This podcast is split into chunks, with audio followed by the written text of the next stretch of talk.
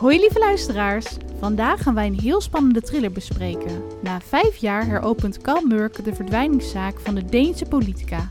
Ze lijkt van de aardbonen verdwenen, maar de titel van het boek doet toch heel anders vermoeden. Nou lieve Amman, wat leuk dat je weer gezellig bij ons aan tafel zit achter de microfoon. Ja, vind het ook heel leuk, dankjewel. Heel leuk en vandaag staat er echt wel weer een heel spannend boek op het programma. Heb je lekker veel gelezen de afgelopen dagen weer? Absoluut. Ik wil dan natuurlijk uit hebben voordat we begonnen. En ik moet zeggen, ik heb hem eigenlijk al een keer eerder gelezen, maar dat was toch alweer best wel lang geleden. Want ik merkte dat de hoofdlijnen nog wel in mijn hoofd zaten, maar de details waren me een beetje ontglipt. Dus ik vond het fijn om hem nog een keer te lezen en uh, ik vond het ook nu weer een spannend boek. Ook die titel, want ik heb jou er echt al heel vaak over gehoord dat je zei, nou, ik heb een keer zo'n spannend boek gelezen over een vrouw in een kooi en dat is Ja. zo bizar, dan zit ze gevangen en ja, we hebben het al heel lang eigenlijk over dit boek. Klopt, ik heb het ook weer via via gehoord. Ik weet even niet meer precies van wie, maar die zei van ja, dat is heel gaaf, een eh, Deense thriller. En we hebben natuurlijk ook ooit een keer eh, Springvloed gedaan. Dat was dan een Ja. Zweeds schrijversduo volgens mij. Dit is dus een Deense schrijver, dus ik was wel geïnteresseerd. En eh ja, zeker, de titel eh, sprak me absoluut aan. Ik, ik was wel heel benieuwd hoe dat dan allemaal zou aflopen. Je krijgt er natuurlijk wel ideeën bij, maar geen idee hoe zich dat dan gaat eh, ja, afspelen in zo'n in zo'n verhaal. Maar- heel spannend, Ja. ja. het heeft me absoluut weer niet teleurgesteld hoor. Ik vond het soms zelfs een beetje een soort van ingewikkeld, omdat er zoveel details ter sprake kwamen en er ook verschillende zaken leken af te spelen. Het was niet alleen maar één zaak over een, eh, over een vrouw die opgesloten zit. Dat kun je dan toch wel een beetje opmaken uit de titel. Maar ja, er gebeurden ook heel veel meer dingen. Dus ik ben blij dat jij het ook spannend vond. En dat we er dus samen gewoon weer lekker eh, ja, over gaan praten. Ja, heel leuk. En het is ook weer, op een of andere manier hebben er iets met thrillers die dus altijd een begin zijn van een serie. Ja, Want het is dan serie Q, geloof ik. Ja. En zijn er nou inmiddels acht boeken? Volgens mij wel. Ik weet in ieder geval dat de laatste, dacht ik, Slachtoffer eh, Ja. 2117 is. Die vond ik heel spannend. Die heb ik al gelezen. Maar die andere boeken van hem, want soms moet je ook even wachten op een, op een nieuw boek. eh, die, die zijn er toch allemaal wel weer een tijdje geleden, heb ik het idee. En eh, ja, ik vond ze allemaal wel heel spannend. Ook lekkere, dikke boeken. Er gebeurt veel. Eh, ik vind dat dat hier in de opbouw ook altijd heel eh, goed bedacht is op de een of andere manier. Het gaat niet te snel. Het gaat juist soms een beetje voor mijn gevoel te langzaam of zo. Ja, Als in dat je het zo spannend vindt dat je wil dat het allemaal sneller gaat. En dat is natuurlijk wel het beste hoe je spanning opbouwt, denk ik dan. Ehm, maar wat wilde ik meer zeggen? Oh ja, de, de, de psychologie achter de dader, weet je wel? Dat je zo'n dader ook een beetje leert kennen. Dat vind ik altijd heel sterk. ja. Dan ga je bijna, bijna eh vereenzelvigen met zo'n persoon. En bedenken van, ah, ik kan me voorstellen dat je na zo'n gebeurtenis op die manier eh, voelt en handelt. En natuurlijk is eh, het echt handelen en denken, dat zijn twee hele verschillende dingen. Maar ik vind dat hij dat wel heel menselijk maakt op de een of andere manier. heel goed heeft opgebouwd. Ja. Ja, En dat je dan gaat bedenken, nou, ik zou me zo kunnen voorstellen dat je misschien zoiets zou kunnen doen of zo.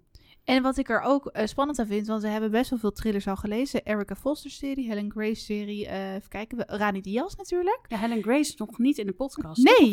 Nee. nog niet in de podcast Nee. inderdaad. Maar die hebben we wel gelezen inderdaad. Die vond ik ook heel spannend. ook heel spannend. Maar ik vind dan toch dat Scandinavische thrillers wel weer iets anders hebben dan Engelse thrillers. Dat gaat Ja. toch best wel snel, vind ik. En eh, ik veel vind het... bloederiger. hè? Ja, precies. Wat je zegt. Veel bloederiger. En ik vind dat bij Scandinavische thrillers wel minder. Er gebeuren wel spannende dingen. Er worden wel mensen aangevallen. Maar het bloed wordt niet zo letterlijk vergoten. Nee, klopt. En wat ook zo is, eh, dat dit toch weer een heel nieuw eh, type serie is met heel ander soort schrijfstijl en ander soort personen. Ook gewoon nu een man in de hoofdrol. Dat je denkt, ja, op een gegeven moment heb je al die thriller-series wel weer gehad. Maar Met stoere vrouwen Ja. en zo. Ja, dat vind ik een man ook wel weer leuk voor de afwisseling. Ja, het is Ja. echt zo'n hele grappige eh, schrijfstijl. Maar eh, nou, we kunnen misschien een klein beetje vertellen voor de mensen die denken van wat kan ik hiervan verwachten. Dat een beetje de opbouw is van het boek. Ja, ik zou dat toch wel heel leuk vinden. Want dan weet je in ieder geval een beetje of het je aanspreekt. En hebben mensen een beetje het idee van het verloop van het verhaal. Maar we Ja. kunnen natuurlijk ook niet lang eh, alles eh, vertellen. Want er gebeurt best wel veel. Heel veel. En, en de spanning moet je ja. toch eigenlijk zelf echt letterlijk ondervinden. Die Ervaren, kun je, ja. ja. die kun je niet heel goed overbrengen, denk ik. Maar spannend was het zeker, toch? We zaten allebei wel weer even goed in het verhaal. Ik eh. had echt weer gewoon een boek dat ik dacht, wauw, ik wil het gewoon in, in een paar dagen uitlezen inderdaad. Dat Oh, ik dus dacht, ik ben ja, blij dat ik wel weer een goede Goeie tip heb gegeven dan. eh. ja. Ik, ja, toch, we zijn vaak positief, dus ik denk dat ik weinig negatieve punten heb. Nee, eigenlijk bijna niet. Nee. Maar ik denk inderdaad leuk is dat we een beetje vertellen waar het over gaat. En dat we daarna misschien een beetje kunnen bespreken wat wij nou goed of grappig of minder vonden of zo. En Ja. dat we dat een beetje delen. Want eigenlijk, het verhaal begint natuurlijk met de proloog. En die zegt voor mij wel een hele hoop over het verloop van het boek, vind ik. Als Ja. je de proloog leest, dat je denkt, wauw, oké, ik zit meteen helemaal in het verhaal. Of je denkt, ik weet het niet, waar gaat het heen, wat gaat er gebeuren? En dan ben ik toch een beetje sceptisch en twijfelachtig over of ik dan verder wil lezen. Nu dacht ik wel meteen weer, oh ja, dit was het. En ik vind dat hij heel goed sfeer beschrijft en ook iets wat je... Ja, wat zo ver van je afstaat, waarvan je hoopt dat je dat nooit gaat meemaken. En als je erover hoort, klinkt het alsnog super bizar. En Namelijk- je ziet het toch heel levensecht voor je. En dat vind ik zo knap, want het gaat namelijk over een vrouw die eh, in een kooi zit opgesloten en een beetje haar eh, omgeving in zich probeert op te nemen. En het is donker en, en ze probeert een beetje achter te komen waar ze is en hoe het er dan uitziet en of ze eh, de deur open kan krijgen, of ze ergens bij kan komen door te springen. Nou, allemaal dat soort dingen dat je denkt, wat is dit? Maar het klinkt zo bizar, maar tegelijkertijd eh, door, door hoe hij het beschrijft ook weer zo ja, levensecht en dichtbij. Als je, ja, dat, dat je je bijna zelf in die kooi waant. En Ja. dat je ook echt denkt, hoe heeft hij dit zo kunnen, kunnen bedenken? ja. En ja, ik heb een stukje van de proloog om even Oh, te ja. laten horen. Dat is waar. Nou, laten we Ja. meteen met een goed begin. eh, Dan weten jullie gelijk van, is dit wat of, eh, of niet? Nou, ja. En zo begonnen wij dus met lezen dat je wel... Wij hadden gelijk van, bam, we zitten erin. Ja, wat is het ook? Zijn dit ook echt de eerste zinnen? Of ben je ietsje later. eh, Volgens mij heb ik gelijk het eerste stukje inderdaad hier voor me. Oké. Dus dat is gelijk de proloog. En dan, nou, je weet natuurlijk de titel, maar ja, het is gelijk, zeg maar, de scène in de kooi zelf. Maar je weet dus nog niet om wie het gaat. Daar kom je later pas achter. Ja. Ze krabde haar vingertoppen tot bloedens toe open op de gladde wanden en sloeg met haar vuisten tegen de dikke ruiten, tot ze haar handen niet meer voelde. Minstens tien keer was ze op de tast naar de stalen deur geschuifeld, had haar nagel in de kier gezet en eraan getrokken. Maar de deur was onwrikbaar en de rand was scherp. Uiteindelijk, toen het vlees haar nagels losliet, zakte ze zwaar hijgend op de ijskoude vloer in elkaar. Eventjes staarde ze met wijd opengesperde ogen en bonkend hart in het aardedonker en begon toen te gillen. Ze gilde tot haar oren begonnen te suizen en haar stem het begaf. Nou, en echt dit boek, daar zitten zoveel scènes in met dat dus de verdwenen persoon, we zullen daar zo even meer over vertellen, die zit dus in die kooi. En het is gewoon zo ijzingwekkend dat je denkt, hoe houdt iemand zich bij de les? Je wil een uitweg kunnen vinden, maar je voelt je gewoon echt opgesloten als je het leest eigenlijk. ja, wat ik ook heel goed vond, is de opbouw van het verhaal. Want hij had dit ook allemaal in één deel kunnen stoppen.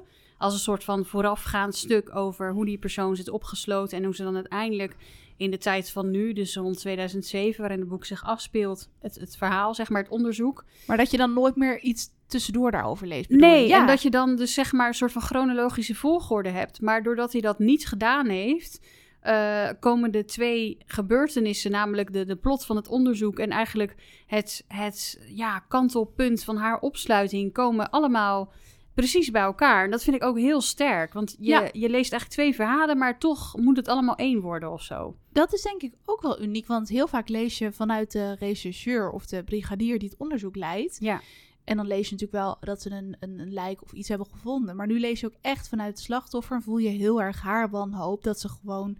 precies. Nou, daar kom je dus achter dat ze gewoon jaren Jaren, ja. Vijf jaar of zo? Ja, 2002 is ze volgens mij verdwenen. Ja, en, En niemand dat- weet ja. eigenlijk wat er met haar is gebeurd. Maar daar, daar hebben we het zo meteen wel over. Maar ze zit dus uiteindelijk vijf jaar opgesloten. En wat je zegt, je leest haar wanhoop, ehm, ja, verdriet, angst. Het gaat allemaal heen en weer. Het is, eh, ze is mentaal heel sterk, maar op andere dagen ook weer niet. Eh, ze wil op een gegeven moment ook gewoon niet meer leven, omdat ze ja, geen uitweg meer ziet dat ze hier ooit nog wegkomt. En dan maar toch liever dan sterven dan nog zo lang lijden. Ja, want dan heeft ze zelf de controle over wat er in ieder geval gebeurt en wanneer het gebeurt. Dat heeft ze ook al heel lang niet meer gehad. Dus dat, dat kon ik me ook heel goed voorstellen. Ja, Maar hoe dat zo zich afwisselt en hoe ze zich toch tot het einde ja, overeind weet te houden op de een of andere manier, vond ik ook wel heel sterk. nou en wat dus het onvoorstelbare is, wat je zegt. Ze zit daar dus al sinds 2002. Later kom je daar natuurlijk achter hoe dat allemaal zit.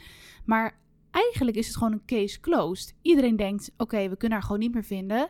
Zaak is gesloten. En juist dus omdat er... En dan zal ze wel Eh, vermoord zijn, ja. denkt iedereen ook. Iedereen denkt gewoon, ze is vermoord, maar haar lichaam is gewoon niet meer te traceren. Dat, dat is gewoon einde verhaal. En ondertussen zit iemand daar gewoon nog steeds vast.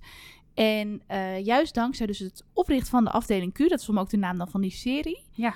Ehm, ja, wordt haar zaak weer heropend door dus de hoofdpersoon. Het zijn dus veel Deense namen, dus de uitspraak is soms wat lastig. Wij denken Carl Mork, Mo- Murk, Murk, zoiets. Ja, en misschien moeten we het gewoon bij voornamen houden. Want de Karel is beter. Karel, dat, ja, ik zeg wel wel Karel. Ik weet het Karel, niet ja. klopt. Maar nou, eh, het is voor eh, interpretaties mogelijk. ja, precies. Maar eh, eigenlijk wordt die afdeling Q, heb ik het idee, ook maar een beetje uit wanhoop opgericht. Want die Karel is ehm, ja, betrokken geweest bij een schietpartij. Dat is ook gelijk hoofdstuk 1 dat je denkt, wauw, we gaan gelijk naar de andere heftige scène toe. Precies, dat vond ik ook best wel sterk. Want het is wel veel spanning in één keer.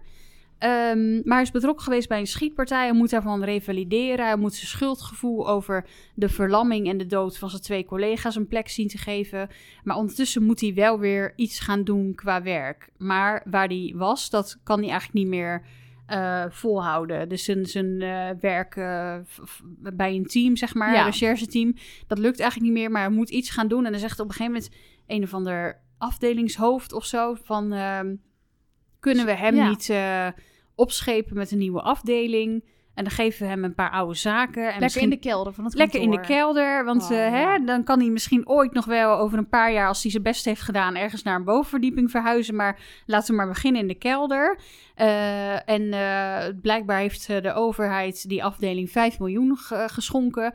Eh, maar dan eh, kunnen wij daarvan vier wel opstrijken. En dan kan hij met die 1 miljoen maar een beetje ehm, in die dossiers lezen... en eh, zien wat eruit Erg, komt. hè? Dat is Heel toch een erg. beetje vriendjespolitiek of zo in dat politiekorps dan. ja, want, sowieso. En dan die, Ja. die, die, die leider, hoe noem je dat? Die chef. ja, die, uiteindelijk- Marcus of zo. Mark, ja, Ja. Die, die zegt dan maar van, nou ja, oké, prima. En die ehm, roept Karel bij zich en die laat een ruimte maken in de kelder. En dan wordt die Karel daar een beetje tegen wil en dank ja, geplaatst, terwijl hij er helemaal geen zin in heeft. hij is echt een beetje zo'n droogkloot. ja, en hij is er volgens mij ook gewoon een beetje klaar mee na die schietpartij. Hij heeft er geen zin meer in om ook maar voor iemand zijn best te doen. Hij weet niet zo goed meer waarvoor. Eh, maar er is wel gezegd dat er een medewerker eh, ook beschikbaar is gesteld. En dat hij in eerste instantie eh, komt schoonmaken. Maar ja, het is gewoon een hele slimme jongen. Uiteindelijk eh, gaat hij zich ook steeds meer bemoeien met die stapels dossiers die daar maar op het bureau blijven liggen. Waar die Karel niks mee doet. Die zit gewoon lekker te patiënten en zo. Ja, die, die zit gewoon. eh, die is eigenlijk. Die baalt een beetje dat die Assad, die nieuwe medewerker, erbij is. Want hij denkt, ik wil eigenlijk gewoon de binnenkant van mijn oogleden bekijken. Ja, en eh, lekker geld Letterlijk. krijgen. En verder vind ik het wel best. Verder doe ik alsof ik het heel druk heb. En dat is ook Ja. zo droog, want dan leren ze elkaar een beetje kennen. En die Ja. Karel denkt, oh, ik heb er helemaal geen zin in. Dan zegt hij, dan zit hij een beetje half te slapen. En die Assad is helemaal enthousiast. Zegt, Karel, ik heb hier een zaak. En dan zegt hij, ja, je onderbreekt me net tijdens een heel interessante gedachtenwisseling. Maar Oh, nu ja, dat toch hebt klopt. gedaan. Dat zegt hij altijd Ja. inderdaad. Ik zat dit een hele interessante voor die. Ja. Assad. Maar dat vond ik ook, dat zeiden we net ook wel een beetje tegen elkaar. Dat die Assad is volgens mij dan van Syrische afkomst. Dus die is nu, eh nou het speelt zich af in 2007. Hij is volgens mij in 1998, zegt hij, is hij naar eh, Kopenhagen gekomen. Ja, maar er, hangt van allerlei mysterie om hem heen. We weten eigenlijk Ja. niet precies hoe hij nou in, in Denemarken is gekomen, wat er is gebeurd. En überhaupt, hij, het lijkt erop alsof hij heel veel heeft meegemaakt, maar daar wil hij niet over praten. En hij is dus aangenomen voor chauffeur en schoonmaker. Maar het blijkt gewoon dat hij eigenlijk gewoon een bizar goede regisseurachtige kennis heeft. Ja, hij is heel slim. Hij Hij kan ook heel goed heel veel. onthouden. En hij eh, is heel oplettend. Hij eh, ziet heel veel, inderdaad. En hij is dus heel enthousiast. En eh, eerst dacht ik een beetje, oh, die Karel doet een beetje neerbuigend van, oh, ga maar lekker die boeken doorlezen en zo. En later, al vrij snel, sluiten ze toch een beetje een soort, ja, hoe zeg je dat? Samenwerking, vriendschapachtig. iets. Maar het is wel Ja. een beetje gek. En die, op de een of andere manier halen ze wel het beste in elkaar naar boven. Want ehm Karel laat hem eh, dingen doen. Waar hij geeft hem iemand- toestemming, wat eigenlijk niet mag. Precies. En andersom eh, zorgt die Assad ervoor dat die Karel zijn, eh, zijn, zijn drive, zijn zin in zijn werk weer een beetje terugkrijgt. Een beetje tegen wil en dank. Maar hij gaat wel weer een soort van rechercheren en onderzoeken Ja. wat, wat de feiten zijn over die, over die zaak van die vrouw die dus is opgesloten en nooit meer is teruggevonden. Dus dat vind ik wel, Hij weet wel iets bij Karl te triggeren of zo. ja, precies. En wat ik dan ook wel van, van die mooie momenten, wat we net zeiden, Karel is dus een beetje, ja, een beetje droog en een beetje een, nou ja, af en toe een beetje gewoon onaardig. En hij lijkt een beetje onsympathiek, maar dan toch, ehm, Assad die, is dus, eh, hè, die moet af en toe bidden en dan in de richting van Mekka geloof ik. En dan zitten ze dus in een kelder. Dus hij weet dan niet zo goed naar welke kant moet ik nou gaan Maar zitten. dat zegt hij ook heel droog. Ja, Ja. maar Assad, hoe weet je dan welke kant? Ja, mijn hoofd eh, weet dat wel. weet of wel. En anders heb ik een kompas. Ja, maar dat kompas Ja. dat werkt hier niet. Nee. En dan heeft hij dus wel toch wel uit, uit vriendschappelijke overweging of zo... heeft hij dan heel schattig zo'n plattegrond laten maken voor Assad van die kelder. Dus ik denk, oh ja, diep van binnen heeft hij toch wel een gouden hartje of zo. Precies, en dat vond ik dus ook heel mooi. Een beetje die tegenstelling. Dat hij uiteindelijk toch wel hard voor de zaak heeft, maar ook hard voor zijn collega. En dus lekker af en toe die sarcastische humor. Ja. Maar ja, ze, ja, op een gegeven moment die, die zaak, dat is een beetje de hoofdlijn. Er speelt nog wel veel naast. Maar wat je al zei, volgens mij krijgt die Assad dan een beetje de interesse voor die Maritte Lingard, Lingard zaak, toch? Ja, een eh, politica. Een, een, een belangrijk persoon in de politiek. En die is op een eh, goede dag verdwenen en niemand weet eigenlijk waarom. 20 dat- februari 2002, ook Precies. aparte datum. Ja, dat heb je inderdaad goed onthouden. Want dat was, daar was ook weer iets mee, dat kon je natuurlijk ook andersom eh, Omdraaien. ja. Ja, Maar niemand weet waar ze is gebleven. En Assad krijgt uiteindelijk dat dossier onder ogen. En die laat het aan Karel zien. En tegen wil en dank eh, gaat hij dan ook maar halfslachtig een poging doen om iets te lezen daarover. Ehm, volgens mij gaat hij ook praten met de collega die toen de tijd het onderzoek heeft gedaan. En het blijkt uiteindelijk dat die kerel ook allerlei steken heeft laten vallen en zo. Maar dat die heeft heel veel dingen niet genotuleerd. en eh, en nee, ook heel klopt. veel verhoren of gesprekken niet gevoerd of dingen niet onderzocht, weet ik veel wat. En het is gewoon, dus gewoon, ja, weet ik veel wat, in de ijskast beland letterlijk. Ja. En eh, toch iets triggerde hen bij, bij hun of zo, dat ze dachten, we willen die zaak, het spreekt ons aan. Maar dat was natuurlijk volop in het nieuws ook geweest. Ja. Links politica verdwenen. Ja. En ja, het gekke was dus, ze was dus verdwenen op een boot op weg naar Berlijn, geloof ik. Ja, daar ging ze met, z'n- met haar broer naartoe. Ja. En je leest ook al vrij snel over een ongeluk dat zij heeft meegemaakt toen ze jonger was met haar ouders. En dat gaat ook wel een heel essentieel eh, punt, eh, belangrijk ding zijn in het boek. Ehm, maar eh, je denkt eerst dan, nou, wat, he- wat heeft dat on- ongeluk ermee te maken? Want dat speelt zich opeens een heel stuk vroeger af. In 1986 of zo. Ja, ja. maar de, haar, ze, was, eh, ze was een beetje haar broer, haar broer aan het plagen. Ze zaten in de auto met haar ouders. En toen keek ze dus de jongen in de andere auto aan. En die keek heel bang. Want die zag wat er ging gebeuren. En uiteindelijk raakte die vader afgeleid doordat zij... Op de achterbank zaten te stoeien. Precies. En daardoor is dat ongeluk gebeurd. En zijn er heel veel mensen overleden. En ook eh, de vader van de, van de andere partij, zeg maar. Eh, er werd een tweeling geboren waarvan één het ook niet heeft overleefd. En die ander eh, zwaar gehandicapt is geworden. En ehm, nou ja, de, de, de jongen die dus naar haar aan het kijken was, die, die heeft het wel overleefd. Maar moest ook heel lang revalideren. Zijn moeder moest heel lang revalideren. Dus er is heel veel gebeurd in dat gezin. Eén groot drama. En eh, Marette en haar broer Uffe, Ufe, Oefe, die zijn dus ook eh, hun ouders verloren bij dat Ja. ongeluk. En heel erg. Oeffe heeft een hersenbeschadiging opgelopen. Dus die is ook Ja. nooit meer de oude geworden. ook ze- heel heftig. Ja, ze voelt zich heel erg schuldig naar hem toe. Eh, en wil dus om die reden ook niet, ja, kom je dan langzaam achter, omdat je, het, het wisselt zich telkens af met stukjes over haar. Ja, je En- ziet dus deels perspectief Carl en dan weer Marette 2002 eigenlijk. Voor, voordat, Voordat, ze verdween. Precies, dat vind Ja. ik ook heel interessant, dat je het slachtoffer goed leert kennen, zeg maar. Echt die goede opbouwen. Ja, precies. En dat ze dus nu eigenlijk dag in dag uit voor haar broertje zorgt. En dat gaat echt heel ver met hem kalmeren, eh, met hem eten, met hem in bed slapen. Ze wonen samen. Ze wonen samen, ze heeft eigenlijk helemaal geen leven. En als ze überhaupt een keertje uit eten gaat, dan moet ze 9 van de 10 keer naar huis omdat het niet goed gaat met hem. Eh, of eh, ze kan ja, wat, wat er gebeurt met een mogelijke partner geen kans geven, omdat ze voor hem moet zorgen, voor de broer. Ja, ze draagt in mijn ogen echt het leven op aan haar carrière als politica. En daarna Ja. dus aan de broer. En ik vond haar wel heel intrigerend of zo. Want iedereen zei ook van, nou, het is zo'n aantrekkelijke vrouw. Prachtig om te zien en zo. Maar toch was ze een beetje afgesloten van de rest. Had eigenlijk geen echte hechte contacten, vriendschappen. Ze was altijd een beetje mysterieus. Ja, wou ik net zeggen, want daardoor ontstond er ook juist heel veel mysterie om haar heen. Van, niemand kon ook echt vertellen van... Goh, is het nog logisch wat, dat Marette bijvoorbeeld eh, de bies heeft gepakt... en eh, op een zonnig eiland zit? Maar niemand kende haar eigenlijk zo goed om dat te kunnen zeggen. Nee, en niemand kon ook echt heel dichtbij komen. Dus als er een hulp in de huishouding was of een secretaresse die te veel vragen begon te stellen, dan nam ze iemand anders. Dat was ook apart, hè? Want ze Ja. had dus een secretaresse, die Marianne Koch of zo... die was Ja. dan best wel van... hé, hey, weet je wel, een beetje sociaal contact maken met je collega. Ja, wilde ze niet. En toen gingen ze een andere secretaresse nemen. Ja. En dat was dan iemand, dat vond ik ook wel apart, dat die eigenlijk dan weer gevoelens had voor Marette. Nou, ja, daar kom je dus weer later achter. Heel gek. Oh, die vrouw, hè? Ja, Ja, dat klopt, ja. die liet het dan helemaal niet merken, want dat was eigenlijk een beetje zuurpruim. Ook een gek detail, maar Marette Ja. geloof ik niet voor haar. Dus dat... eh, Nee, want er werd ook een beetje overgeroddeld van valt ze nou mannen, valt ze nou vrouwen. We hebben er eigenlijk nog nooit met iemand gezien. Nee. Maar ehm, wat is wel grappig is, je leest dus aan de ene kant over de verdwijningzaak in 2007, dat ze dat aan ons onderzoeken zijn. Aan de andere kant lees je dus in 2002 dus eigenlijk de opbouw daar naartoe. Maar dat ze dus ook dan die, die ontmoeting heeft, want ze is natuurlijk ja, heel eh, goed in haar werk en allemaal belangenorganisaties willen haar ontmoeten om geld te kunnen krijgen. Ja. Maar dat ze dan dus die Daniel Hall ontmoet, en oeh, dat gaat wel veel in gang zetten, die ontmoeting, denk ik.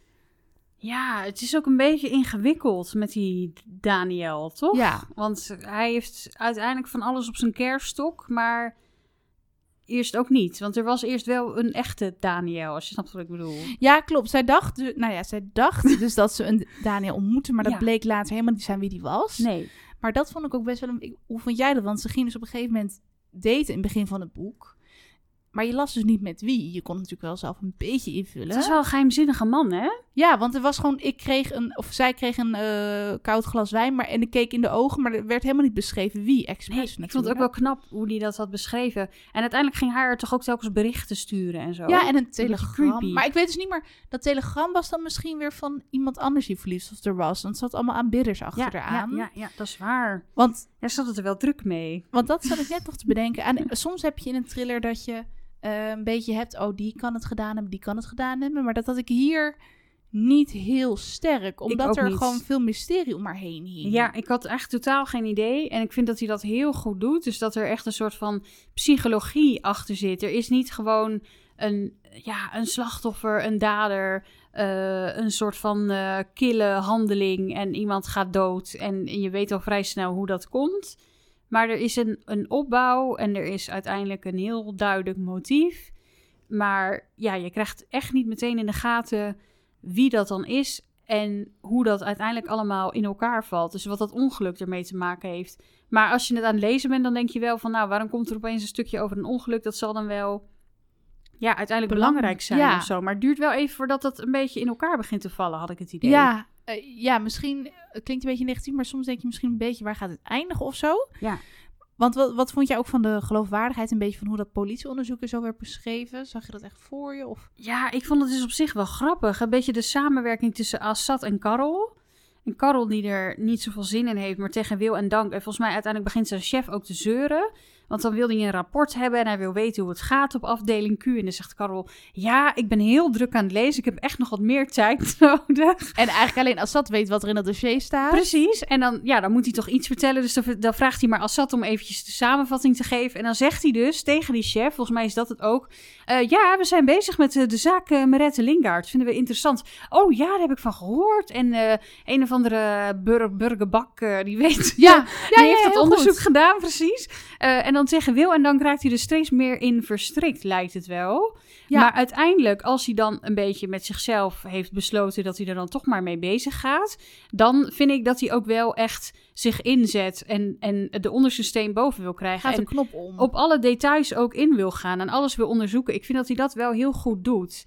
Eh, en dat hij ook, ja, want uiteindelijk hebben ze maar één eh, strohalm. Ze moeten een beetje weten hoe de laatste dagen van Merette zijn geweest. Dus door ja, spullen van haar te vinden die eerst ook niet te vinden lijken te zijn. En die die bakken die hij ook helemaal niet gezocht heeft. Eh, en uiteindelijk vindt eh, Assad vindt haar koffertje. En eerst dachten ze van nou die nam ze nooit mee naar huis. Maar uiteindelijk toch wel. En wat heeft ze dan de laatste dagen gedaan? Wie was die geheimzinnige man die haar berichten stuurde? Eh, weet je, hoe is uh, Uffe, Oefe eraan toe? Kan hij nog überhaupt communiceren over wat er met haar gebeurd is? Nou, toch gaat hij dat proberen in dat verzorgingstehuis waar hij dan woont. En dan lijkt daar best wel ongelukkige indruk te maken. En ja... Uh, Om tegen mensen tegen zich in het harnas te jagen. Precies, wat gaat er dan in zo'n jongen om? En hij probeert er dan toch wel achter te komen. Dus dat vind ik wel, ja, vond ik toch wel sterk aan het verhaal. En vooral de samenwerking tussen Assad, die ja, heel erg moet wennen. Een aantal dingen ook niet begrijpt. Maar ik heb het idee dat hij zich af en toe ook veel dommer voordoet dan dat hij daadwerkelijk is. Dat hij veel meer weet dan hij zegt. Dat komt volgens mij ook een beetje in de uiting in de verdere boeken. Dan leer je, leer je hem nog beter kennen, hè? Ja, klopt. Maar ik vond in deel 1 ook al wel eens dat ik dacht van nou, jij doet een beetje onnozel, maar je bent eigenlijk heel slim. Heel Ehm, intelligent. Ja. en hij ziet ook van alles. En Karel die moet daar toch wel een beetje van terugkomen. Want die heeft het ook niet eerst zo heel erg op Assad, geloof ik. Maar uiteindelijk, Is hij best wel onder de indruk. eh. precies, bewijst hij toch wel dat hij meer eens een mars heeft dan, eh, dan hij misschien doet voorkomen. Ja, ik vond dat best wel sterk en een keer verfrissend om op die manier een beetje te lezen dat twee mensen die ook maar gewoon ja, ergens wat doen. Het is niet zeg maar de chef, oh er is Precies. een moord gepleegd, de chef gaat naar de plaats delict en dat is het. Eigenlijk Nee. worden ze een beetje weggebonjourd. En toch blijkt dat ze best wel een sterk staaltje recherchewerk afleveren. En dat dus die mensen vijf jaar geleden er een beetje een zootje van hebben gemaakt. Nou, precies wat jij zegt. En dat het dus een beetje lijkt van, nou, ze zitten daar in een hokje in de kelder, maar een beetje wat voor zich uit te staren en af en toe iets door te bladeren. Maar ze komen toch heel ver met z'n tweeën. Ehm, en dat, ik vind die opbouw ook wel heel interessant. Dat je eerst denkt van, nou, waar moet dit heen gaan met het soortje ongeregeld? Maar uiteindelijk weten ze wel een ijzersterke onderzoek neer te zetten. Maar dat je ook denkt, hoe gaan ze haar vinden? Het is vijf jaar geleden. Het lijkt heel erg onmogelijk. Want ze is dus als laatst gezien op een boot naar Berlijn met haar broer. Om Waar een, ze ook nog eh, ruzie hadden. weekendje weg. Ja, hij sloeg haar of zo, toch? Ja, want ze- ja, inderdaad. En zij, ja, op een gegeven moment wordt er ook gewoon gedacht, joh, zij is gewoon geduwd, in zee gevallen, verdronken, nooit meer te vinden. Dat werd een beetje gedacht. Want er is geen spoor van haar te vinden op die boot. Niemand weet waar ze gebleven is. Behalve heeft misschien iets gezien, maar die zat op de wc. En eh, ja, ze weten niet of die überhaupt En die oefen kan niet heeft. praten, dat is ook nog Hij moeilijk. kan niet meer praten, nee. Door die beschadiging aan zijn hersenen. En, en op een of andere manier vinden ze toch wel wat aanknopingspunten dat het weer een beetje ge- geopend wordt. Ja, Dat vind ik wel heel, heel eh, leuk om te lezen. Dat dus, eh, en dat komt ook wel een beetje door, heel veel door Assad ook wel. Karel misschien ook wel. En ze hebben dus ook nog die collega waar je net over vertelde, die met verlamming in het ziekenhuis ligt, die Hardy. Hardy, ja. Die geeft ook geniale ingeving, want die zit het allemaal niet meer zo zitten. En dat is ook weer een verhaallijn. Ja, Maar, maar, ehm, die is dus helemaal verlamd geraakt eh, tijdens die, of na die schietpartij. En dat vond ik ook wel een heel ja, mooie verhaallijn. Dat Karel daar gewoon best wel mee zit en zich schuldig voelt en te laat heeft gehandeld, vindt hij zelf. En hem dan af en toe gaat opzoeken en dan eigenlijk te- alleen maar te horen krijgt... eh, eh, ja, of, of Karel hem uit zijn lijden wil verlossen. Of hij hem dood wil maken, letterlijk. En eh, ja, hij zegt ook heel letterlijk... Ja, dat kan ik niet, Hardy. Ik, eh, Nee. ik zou het eh, heel graag voor je doen, maar ik kan het niet. En het getuigt dus wel van, van veel sympathie of zo, dat hij daar heel vaak langs gaat. En zelfs fysiek uit dat schuldgevoel zich. Want hij heeft echt last van zijn hart en eh, af en toe wat oprispingen en hartkwalen. Dat je denkt, oh ja, dat zit er dus ook nog in. Zo leer je hem dus wel een beetje kennen. Ja, en ook een aantal keer een paniekaanval, toch? Dat hij Ja. echt druk op zijn borst voelt en het gevoel heeft dat hij niet meer kan ademen. Maar eigenlijk dat hij doodgaat ook, min of meer. Letterlijk, ja. En dat Ja. hij eerst een beetje ja, uit uh, flirtgedrag met een psycholoog ging praten. Hij, oh, niet veel vrouwen zijn veilig voor hem. Want ook die Liz had hij een beetje een oogje op. En dan bij die psycholoog, ja. terwijl ze gewoon een trouwring om de vinger heeft. Precies, maar... dat had hij even niet gezien. Nee, hij was helemaal verblind door de schoonheid. En uiteindelijk eh, raakt hij dan een beetje in paniek door alle schuldgevoel die op hem drukt. En dan gaat hij toch maar met haar praten. En ja, dan merk je ook dat dus dat hem ook heel erg dwars zit. En, en dat hij daar eh, ja, mee, mee in het reinen moet komen. Dat hij daar uiteindelijk mee verder moet. Ja. En dat hij niet kan oplossen wat er met Hardy is gebeurd. En tegelijkertijd vind ik het ook leuk dat je een beetje over privéleven leest. Dat, je, dat hij dus best wel een beetje van die kleurrijke huisgenoot heeft. Hij woont letterlijk samen met de zoon van zijn ex-vrouw. En dan nog met een ander eh, beetje excentriek personage die opera zingt en al twintig jaar Oh ja. studeert. Hij zingt opera, ja, dat was ik vergeten. En dat hij dan lekkere pasta's voor ze kookt. En zo Ja. is eigenlijk een soort studentenhuisachtig. En die Carl die kan eigenlijk helemaal niet voor zichzelf zorgen. Want nou ja, en dat- dat is dan ook wel een beetje zo'n hectische... Wat het een beetje, ja, een beetje kleur aan het verhaal geeft. Of zo vond ik dan. Ja, vond ik ook. En dus die ex-vrouw, die moet hij ook af en toe nog eens financieel onderhouden. En ik weet niet waarom hij dat dan doet, maar hij doet het gewoon. hij doet het gewoon omdat hij anders niet van de afkomt of zo. Heel Gewoon uit gemak apart. denkt hij, nou, ik wil dat gezeik niet. ik eh, geef er wel een wel paar geld. eh, Ja, maar wat toch je zei, te goed voor de wereld. die Hardy Ja. komt dan toch tegen wil en dank met geniale aanwijzingen dat hij moet gaan praten met een of andere fotograaf. Dat je denkt, heeft niemand dat eerder bedacht? Die Nee. gewoon te slapen. En die komt dan met een bepaalde foto. Van waar dat die- koffertje volgens mij. toch? Ja, en waar die Meret ook op staat, toch met die Daniel? ja, dat ze inderdaad is gesignaleerd Ja. vlak voor haar verdwijning met die man. Precies, dat hij daarmee aan het praten was. En wie is dan die man, denken ze uiteindelijk. En dan gaan ze een beetje op onderzoek uit. En hebben ze meer aanknopingspunten in ieder geval. Want het, het spat er al wel gelijk een beetje vanaf dat die Daniel, die ontmoet ze dus op haar, een van haar eh, beroeps, eh, hoe zeg je dat, vergaderingen zeg Ja. maar. Ja. En toen had ik wel gelijk, oeh, maar het was meer een beetje, er was een soort vonk tussen hen. Dus ik dacht, nou, er gaat wel wat gebeuren en misschien is die date dan met hem. Maar er was wel gelijk iets geks met hem aan de hand. Maar ja, misschien gaan we soms een beetje spoilen. Ik denk dat het zo een beetje eraan gaat komen. Mhm. Ehm, we zullen niet alles natuurlijk vertellen, maar op een gegeven moment ontdekken ze dus, door middel van dus dat ze een foto sturen, dus geloof ik, naar een van die organisaties van die Daniel Hall. Dan zeggen ze, nou, ik heb samengewerkt met die Daniel, maar ik heb deze persoon nog nooit gezien. Dus dan Nee. komen ze erachter dat iemand zich dus heeft vermomd of zo als hem. Dan vraag ik me toch een beetje af van, hoe, hoe kan dat? Want iemand geeft zich dus uit voor iemand anders, Ja. maar hij ziet er totaal anders uit. Dan had ik het enige dat ik dacht, hmm, maar misschien heeft de schrijver er een hele logische reden voor. Ja, of hebben wij het gewoon eventjes niet meegekregen? Maar ik weet kan het ook niet. heel goed Het hoor. was, het was inderdaad een hele interessante vraag. Ik eh, weet het ook niet ik zo vond het een hele goede plotter, zeker. Maar soms Ja. heb ik dan... Maar het kan ook, er zitten best wel veel detailtjes in... dat ik daar even net eh, overheen heb gelezen natuurlijk. Maar inderdaad, ja. wat je zegt, er, hij geeft zich dus uit voor Daniel, maar is eigenlijk iemand anders. En zij herkent hem dus niet. Maar dat is ook logisch. Maar uiteindelijk wel, ja, toch? uiteindelijk wel. Waarom? Ja, eerst dan niet inderdaad. Want eerst herkent ze hem niet. Dat Nee. is eigenlijk ook gek. Misschien he- zag hij er toen gewoon heel anders uit. Heeft hij ja, dat even... denk ik wel. Want, nou ja, Marette, die komt dus op een of andere manier in die kooi. En het is ook echt bizar. Het is een soort hoge drukcabine of zo, Ja, toch? Het is van een of andere fabriek waar iets gemaakt werd en waar dus ook een soort van compressiekamer was. Waar je dus de luchtdruk kan opvoeren. En die kun je hermetisch afsluiten, zodat er geen zuurstof van buiten binnenkomt. En er zit dan een soort van luchtsluis, waarin je dan wel... ja, ja, waarin zij... Ja, ik weet niet of ze dat al gemaakt hebben, maar...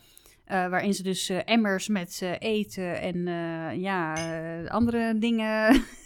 waar, waarin ze dus naar de wc moet, zeg maar. Toiletemmers Toiletemmers, ja, dank u. Ja, Ehm, maar die druk voeren ze dus ieder jaar met één atmosfeer Ja. omhoog. En dat was dan weer iets anders. Een bar was dan... Ja, weet het ja, het waren allemaal van die termen dat je denkt, die schrijver heeft zich er even goed in verdiept. Absoluut. Maar je had dus, eh, hij ging dan met één atmosfeer omhoog. Dat is iets wat ik zeker weet. En eh, dat kon je dan allemaal regelen aan de buitenkant met meters en knopjes. En ze hadden een heel ehm intercomsysteem gemaakt en lampen. En eh, eh, ja, schokwerend glas en zo, waar ze niet doorheen kon breken of schieten of wat dan ook. En verder was er dus helemaal niks in die kooi. Gewoon gladde vloer, gladde muren. Die ramen waarin ze naar haar konden kijken. En uiteindelijk ja. had ze die ook ingesmeerd met bloed, omdat ze een zere kies had, weet je wel. Omdat ze zelf wilde bepalen of ze haar konden zien of niet. Eh, maar ze wist helemaal niet wie die mensen waren. Ze kreeg ieder jaar een berichtje, een stem te horen van een vrouw die dan zei... Marette, je bent weer een jaar verder. Gefeliciteerd met je verjaardag. Vreselijk. We, we, ver- we verhogen de druk met één atmosfeer. Dat je denkt, wat is dit voor wereld? Mogelijk. En Ja. dat ze dus ook soms zit ze in aarde donker en dan soms zit ze weer in heel fel licht. Ja, dat ze zeiden, we hebben een cadeautje voor je. We laten nu het hele jaar lang het licht aanstaan. Maar gewoon een jaar. Dus is gewoon niet voor te stellen. Nee, het is echt. En ze probeert op een gegeven moment. In het begin heb je natuurlijk een soort instinct van: ik wil ontsnappen. Ik moet hier uitkomen. Dat moet gewoon. Maar op een gegeven moment wordt ze ook gewoon zo machteloos. En ja, dat is wel heel droevig. En dan dat ze dus toch zo mentaal zo capabel is of zo. Dat ze Ja. zich toch er doorheen worstelt. En dat ze hoe klein ook dingen verzint waarop ze op de een of andere manier een klein beetje controle of macht kan terugkrijgen. Eh, en zelf kan bepalen wat er gebeurt, hoe klein het ook is. En die overwinningen maken haar vechtlust dan ook weer groter. Maar aan de ene kant lees je dagen, weken van wanhoop, waarin alle dagen zich aan één rijgen en ze niet meer weet of het nou nacht of dag is. Eh, en ze een beetje ja, in een soort van sluimertoestand eh, raakt. En misschien alleen nog overeind komt als haar biologische klok aangeeft dat er emmers komen. Om, om maar eten te eten. Ze krijgt ook maar één keer per dag eten. En daarna gaat ze gewoon weer hele dagen slapen. Gewoon drie jaar of vijf jaar lang dezelfde kleding aan. Ja, en, en dat ze gewoon andere dagen weer denkt... ik ga iedere dag mijn oefeningen doen... en eh, een beetje ritme probeert te creëren... omdat ze dus maar niet... ja, of eruit wordt gehaald of vermoord wordt. Ze willen gewoon dat ze lijdt, letterlijk. Ja, ze zegt ook: wat heb, wat, wat, wat heb ik jullie aangedaan? Je gaat eerst ook denken: heeft het toch iets met die politieke carrière te maken of zo? Maar ja, dat ze dus ook gewoon zichzelf in, in betere werelden waant om er toch door te komen. Ja. Wat je zegt, Ja. mentaal ook zo sterk. Ik zou echt... Maar ze kan dus eerst ook niks. Ze weet ook uiteindelijk niet hoe ze dan zichzelf van het leven zou moeten beroven of zo. Dat ze heeft letterlijk niets. Nee, ze wil, ze wil dat eerst ook niet. En uiteindelijk heeft ze dan een soort van pennetje uit haar jas. Maar dan is ze ook echt de wanhoop nabij. Want dan zeggen ze... eh, dan is de lucht echt dru- luchtdruk verhoogd met vijf atmosfeer of zoiets. Eh, na vijf jaar. En dan eh, zeggen ze na zoveel dagen. eh, we doen in één keer de deuren open of zo. Dus dan gaat de luchtdruk, wordt in één keer normaal. Dan explodeer je natuurlijk aan alle kanten. Dat is helemaal niet goed Ze voor maken je. er zo bang daarmee. Net als met Ja. duiken, dan moet je heel rustig gaan weer naar boven. Dus dan is het natuurlijk nog veel meer. En heeft ze echt weken schijnbaar nodig om weer te, te, te- naar, naar normale luchtdruk te gaan, zeg maar. Weer dat af te bouwen. Als ze in één keer die deur open doen, dan gaat ze van Bam, binnen helemaal ja. kapot. En dan maken ze er bang mee en ze wil dat gewoon voorkomen. eh, wat er ook gebeurt, ze wil niet dat, dat zij bepalen wanneer zij kapot gaat. En dus bedenkt ze maar van nou, dan, eh, dan moet, moet ik mezelf op de een of andere manier om het leven brengen. Ja. Zo'n gruwelijke marteling dat je ook denkt, hoe erg kan iemand haar haat? Wat heeft zij misdaan? Want het lijkt gewoon een heel sympathiek iemand. Ja. Dat je ook denkt, hoe heeft iemand haar kunnen ontvoeren? Niemand heeft het gezien. Vijf jaar lang zoeken ze al naar haar en ze hebben haar toch in die kooi gekregen. Ja, En ja, uiteindelijk krijgt gelukkig de politie dus door een paar missteken, of ja, dat ze steek hebben laten vallen, wel weer wat, wat aanknopingspunten. Ze gaan toch wat dieper, denk ik, die interviews voeren nog. Of ja, die, hoe zeg je dat? Die verhoren, Verhoren. voeren. Ja. Ja. klopt. Met mensen praten, met de secretaresse, met Hardy collega's, met, dus met. Hardy. Ja. Met die fotograaf proberen ze die foto's te ontfutselen. Dus ze probeerden erachter te komen wie die Daniel dan was, wat hij dan allemaal heeft gedaan. En En dat koffertje natuurlijk, want daar zitten ook weer allemaal documenten er in. zitten allemaal documenten in, de agenda. Er zit een nummer in van die Daniel, geloof ik. En dan is die telefoon weer gestolen bij iemand. En nou, ze proberen alles wat ze ook maar tegenkomen te onderzoeken. En uiteindelijk komen ze wel achter een adres. Eh, Ja. Waar dus niet Daniel, maar diegene die zich heeft uitgegeven voor Daniel. Atamos of zo noemen ze hem eerst. Ja, Artemos, zoiets. precies. Heel apart. Ja, waar die heeft gewoond. En gaan ze daar dus een onderzoek uit. En dan vind ik wel, als je bij dat moment bent, dat het allemaal eh, begint te rollen. Een stroomversnelling. Precies, maar Ja. ook wel ergens, het gaat heel snel, maar ergens ook te langzaam of zo. Het gaat Ja. net even al die feiten dat je denkt, oh, gaan ze het allemaal nog wel redden, weet je wel? En dat vind ik wel echt, echt spanning. Dat je, Ja. dat je bang bent dat, dat het allemaal te laat komt of zo. Want ja, dat zou natuurlijk heel goed kunnen. En dat is ook echt een aanrader om te lezen. Op een gegeven moment ook de confrontatie. Dat ze dan, ja, dat je denkt, oh wauw, dit, ik, ik kon niet stoppen met lezen. Nee, op diezelfde dag of vlak daarvoor, dat weet ik even niet meer. Maar komt ze er dus achter wie er al die jaren tegen haar gepraat heeft. Ze, ze ziet hem, geloof ik, voor het eerst of zo. En ze ziet dus, ze heeft al die tijd die moeder gezien, die dus in een rolstoel zit na dat ongeluk. Haar benen zijn verbrijzeld. Eh, maar uiteindelijk ziet ze ook die jongen die ze al die jaren geleden heeft aangekeken. En, in die eh, auto. In Ja. die auto. En hij is dat dus met zijn gehandicapte broertje. En een soort van drie-eenheid om haar te martelen, om haar te laten lijden. Om haar te laten voelen wat zij hebben gevoeld. Eh, ja, als wraak. En, eh, Omdat zij zo gezegd het ongeluk zou hebben veroorzaakt. Ja, Maar ook nog eens omdat haar, nou, haar ouders hadden blijkbaar, of die familie had een soort Lingard-fonds. Blijkbaar waren dat gewoon welgestelde mensen. En die hebben ze dus aangeschreven, toch? Of zo, voor financiële steun voor die moeder. Ja, om, eh, om te kunnen revalideren, geloof ik. Of om ergens anders ondergebracht te worden. En dat, eh, zodat ze als gezin bij elkaar konden zijn. Maar dat werd niet toegewezen.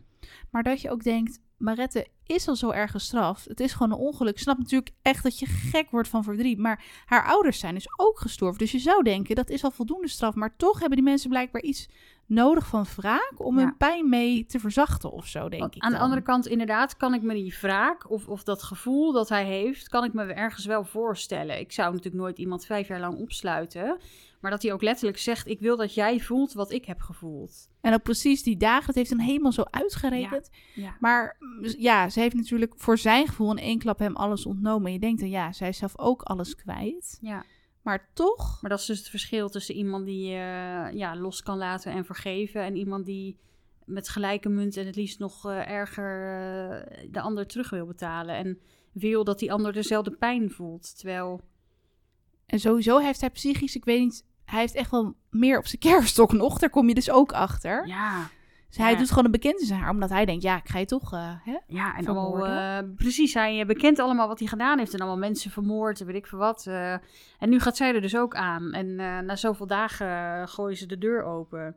En dat vond ik wel heel sterk, want op een of andere manier, volgens mij met die tang die ze ooit heeft gekregen, die chirurgische tang of zo, gaat ze in die muur kerven, toch? Ja, ze wil een boodschap achterlaten voor wie haar dan ook, of wie dan maar die plek vindt, om haar te laten weten dat ze al die tijd nog wel in leven was en dat ze werd gemarteld daar, eh, vastgehouden. Maar eh, ja, uiteindelijk worden ze toch wel nerveus, omdat de politie achter hun eh, woonplaats of achter hun, hun adres komt. En eh, daar een huiszoeking gaat doen. Wat ook heel grappig is, want dan neemt die Karel gewoon zo'n kentekenbewijs mee. Ik dacht nog, wat ga je daarmee doen, kerel? Maar Oh, dan ja. eh, doet dat broertje open en dan zegt hij... eh, ja, ik heb hier een huiszoekingsbevel. En dat heeft hij dus helemaal niet. Oh, echt waar? Maar dat Oh, broertje gelooft hem wel. En dan loopt hij dus naar binnen en gaat hij daar eens even op onderzoek uit. Want die Assad ziet ook allemaal dingen. Die ziet verschillende sigaretten in de asbak. Die Eh, ziet alles, hè? Ja, hij ziet alles. Hij ziet, eh, wat zag hij nou nog meer? Die emmers, waarvan hij niet eh, wist wat hij daar deed. Die tv's onder een Die laken. monitoren, die stonden niet aan. Hij vond dat zo gek. Hij Ja. zegt, ze staan helemaal niet aan. En er kwam een groen licht vandaan of zo. En wat zag je daar dan op? En eh, ja, hij eh, vertrouwt dat niet. Dus hij zoekt overal. Die Assad zit bij nog meer dan Karel. Karel heeft ook wel een scherp oog, maar Ja. ehm, Ja, ja. en ik denk dat dat ook wel echt heel spannend is voor de lezer. Dat- Absoluut. Dat, je maar gewoon dan moet lezen hoe dat allemaal afloopt. Ja, maar het echt komt allemaal waar. bij elkaar. Ik vond de, de opbouw van het verhaal wel heel sterk. Dat al die ja, aparte stukjes uiteindelijk een soort van één... eh, ja, geweldige apotheose hè? en eh, Ja. spanning. En, eh, En iedereen, dat is ook het gevoel, zeg maar, ook met die confrontatie. Je hebt echt het gevoel, oké, het, het is nu gewoon afgelopen. En dan Ja. toch, het gaat weer alle kanten op. ja, En ehm, wat je dus ook nog hebt, want we hadden het net over dat schietincident waardoor Karel zo hè, moest revalideren. Ehm, dat komt ook nog eens terug. Die ontknoping staat me iets minder helder voor de geest, maar dat is misschien ook voor de lezer. Want dan wordt er dus weer, geloof ik, zo'n eh, vergelijkbaar incident gepleegd. ja. met een vergelijkbare dader. En dan zijn ze die toch ook op het spoor. Maar die verhaallijn, dat, ik weet niet helemaal wat dat nou... Komt dat nog terug in andere boeken? Of is elk boek wel weer een op zichzelf staand mysterie, zeg maar? Ja, volgens mij is dit uiteindelijk wel een beetje klaar hoor, dat schietincident. Het is, gaat meer over de revalidatie van Hardy en zo. En eh, ja, dat hij toch ook op de een of andere manier verder moet met zijn leven en eh, weer uit het ziekenhuis moet komen. Hij wil nu alleen maar gewoon eigenlijk dat het stopt, dat hij doodgaat. Maar op de een of andere manier vindt hij toch wel weer redenen om, om te leven. En ik merk wel dat eh Karel daar echt wel ehm, ja, onderdeel van wil blijven uitmaken. Hij gooit zijn handen er niet van af of zo. Hij wil dat Hardy ook weer gelukkig wordt. En daar dan is hij wel alles misschien... voor doen. Ja, dan is hij gewoon heel trouw. Weet Ja. je, soms is hij misschien een beetje een boze, knorrige, lompe vent tegen zijn collega's. Ja. De, echt die humor, dat is ook gewoon zo droog. Dat hij echt ook best wel heftig dat ze soms zeggen... Ja, ik zou hem eigenlijk eh, moeten overgieten met benzine. Maar toch eh, ging ik het maar voor hem doen. Dat soort Ja, dingen staan er gewoon in. Die gedachten wow. die hij heeft, weet je wel? Inderdaad, ik vond het wel heel maf. En, en tegelijkertijd maakt het hem ook wel heel erg menselijk of zo. Ja,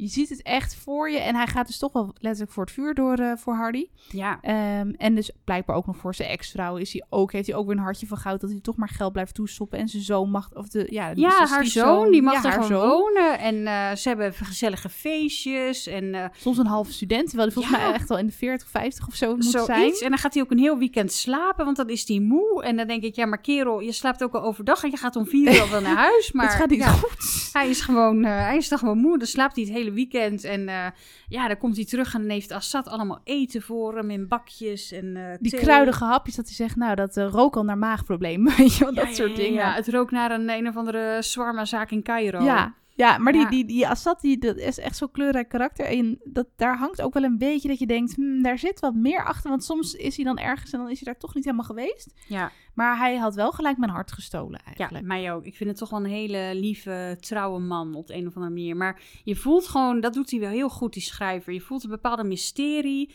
Eh, je merkt aan kleine dingen dat hij toch heel veel heeft meegemaakt, maar dat hij daar niet heel veel over wil loslaten. En je wil dan toch weten ja, wat erachter zit en wat, wat er dan allemaal speelt bij hem. En het leuke is ook wat ik van jou begreep, want jij hebt volgens mij alle acht gelezen, de boeken. Ja. Dat dus veel van de karakters, ook de huisgenoten en zo, die, die blijven ook een rol innemen. Dus dan lijkt me ook dat ze steeds meer diepgang of zo krijgen. Ja, zeker. En het is vooral ook leuk dat je steeds meer leest over zijn privéleven. En eh, dat ze ook echt allemaal voor elkaar klaarstaan. En dat dat team dat hij om zich heen weet te verzamelen ook best wel sterk wordt. Ondanks hun uiteenlopende karakters en zo. Want dat gaat dus ook een beetje groeien, Team Q. Ik ben Ja. wel benieuwd. Zeker. Nou, het schijnt dus ook dat er een verfilming van is, van de vrouw in de kooi. Ja, ja, ja, ja. Een Dat is- Deense verfilming, denk ik. Ja, dat denk ik ook. En dus het is wel echt een groot succes. En het is dus, ja, Jussi Adler Olsen is de schrijver. hè? Ja. En die, ja, het is wel echt een beetje, hij schijnt ook een keer een beetje gewoon de Millennium-trilogie een beetje van een eh, plaats te hebben gestoten in zo'n lijst. Omdat hij zo eh, is Ja. doorgebroken. Wat heb jij eh, nog iets van info over hem kunnen vinden of zo? Of, of stel ik nu een moeilijke vraag? Nee hoor. Nou, ik moet zeggen dat ik misschien omdat dat misschien meer in het Deens dat dat dan te vinden is. Want soms heb je echt heel veel informatie over schrijvers. Ik moet zeggen dat ik hier niet super veel op even heb kunnen vinden. Nee, want hij lijkt laat begonnen te zijn, toch? Of- Ja, hij is geboren volgens mij 1950. En Ja. volgens mij verscheen deze serie een beetje rond 2007. ja. Maar hij is blijkbaar doorgebroken met nog twee andere boeken. Volgens mij over een Joodse komiek. Am- Amerikaan moet ik het even goed zeggen hoor. Ik weet niet helemaal zeker. Oké. Dus dat, dat was dan volgens mij een tweeluik. Voor mij is hij daar een beetje mee doorgebroken. Maar dan vind ik het wel goed dat je meteen vrij in het begin dan, na die twee boeken, meteen al zo'n ijzersterke, spannend psychologische thriller neerzet. Met ook best wel ja, veel lagen erin, zeg maar. Heel veel lagen. Ja. Het is niet zomaar even een trilletje van ik lees het even weg. Nee, en er speelt niet. best wel veel. Ik vind dat toch wel knap hoe die dat dan eh, gedaan heeft. Ze kunnen we echt wel eh, goede boeken schrijven, die eh Scandinaviërs. Ja, echt hè. En je merkt ook, dat, dat schijnt ook dat hij best wel veel, nou ja, veelzijdig leven heeft gehad. En dat hij dus ook ehm politicologie heeft gestudeerd. Dus dat, Ah. dat, je, dat hij dat en verschillende studies heeft gedaan. Dat hij dat heel erg terugbrengt in zijn boeken. En Ja. dat hij dus ook over allerlei onderwerpen schrijft. En dan is het ook mooi, dan kun je ook prima acht boeken vullen. ja Want eh, ja, dat, dat ehm, en verder, ja, ik heb dus niet eh, heel veel interviews kunnen lezen, maar die zijn ongetwijfeld wel gewoon te vinden misschien in het Deens.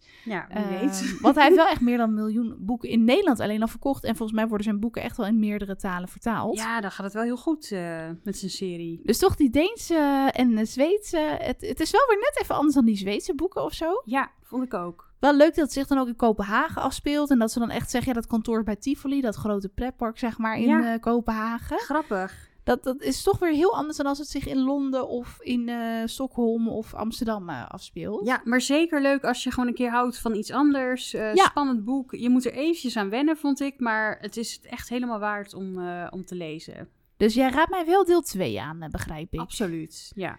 Nou, daar heb ik nog wel even genoeg, eh, genoeg te lezen. We hebben nog heel veel thrillers. Want ik begreep dat Rani Diaz ook weer een boek heeft uitgekomen. Die we ook al klopt. Ja, er zijn wel echt ook nu inmiddels 16 boeken van. Dus als we die Oh, eh, iedere, eh, ieder deel gaan bespreken, dan zijn we nog wel even bezig. Maar ja. ik heb wel weer een andere, of volgens mij had jij het daarover, een andere Zweedse thriller, dacht ik, gespot op Oh. Storytel. ja. De man die met poppen speelde. Oh, dat is ook een Zweedse. Magnus Jonasson. Of is het... Oh, nee, Ja. dat zou heel goed kunnen. En voorgelezen door Inge Ippenburg. Absoluut. onze Dus favoriet. wij zijn fan, wij zijn daar. Ik denk, Ja. ik heb zo'n gevoel, een klein vermoeden dat dat misschien wel eh, het volgende boek wordt eh, dat we gaan ja, bespreken. dat je die kan terughoren. Dat zou leuk zijn. Precies. En- Ook een spannende titel. Dat je denkt, waar gaat het Ja, heen? nou, dat, dat idee had ik ook. Het is eh, wel een heel goed idee. Ik denk dat we die gewoon gaan lezen. Het is nu wel een beetje spannend als je dit nu s'avonds thuis zit te luisteren. Kan ik me voorstellen dat je denkt, ik draai thuis even de deur even op slot. Dat heb ik soms wel. Dat ik denk, hmm, word ik een Mhm. beetje angstig van die boeken. Ja, of dat je eventjes denkt, voordat ik ga slapen, zet ik even een gezellig muziekje aan. Ja, om mezelf nog even even vrolijk achter- worden. De vrouw in de kooi. Ja, het is echt een heel spannend boek. Eh, de titel doet al je verwachtingen waarmaken, Ja. vind ik. En nog meer bijna. dus nee, gelukkig hebben wij nog een gezellig avondje zo met eh, thee en nog eh, lekkere chocoladekoekjes hopelijk. Heerlijk. Dus nou, Aman, het vloog er voorbij, maar dankjewel, heel gezellig. Graag gedaan. Wij gaan eh, alvast even bladeren in eh, de man die met poppen speelde, denk ik, als ik het zo hoor. Jazeker. En eh, nou, thuis hartstikke gezellig dat je meegeluisterd. Dank jullie wel. We zijn heel benieuwd wat jullie van deze aflevering vonden. En of je dit boek al hebt gelezen. Of dat je misschien nog andere aanraders hebt voor ons. Altijd heel erg leuk. En ook super leuk als je misschien een berichtje wil, achterla- wil achterlaten op onze Facebookpagina of de Twitterpagina van onze boekenkast. En natuurlijk altijd leuk als je onze podcast wilt delen met jouw vrienden of familie. Dank jullie wel. Tot de volgende keer. Thank you.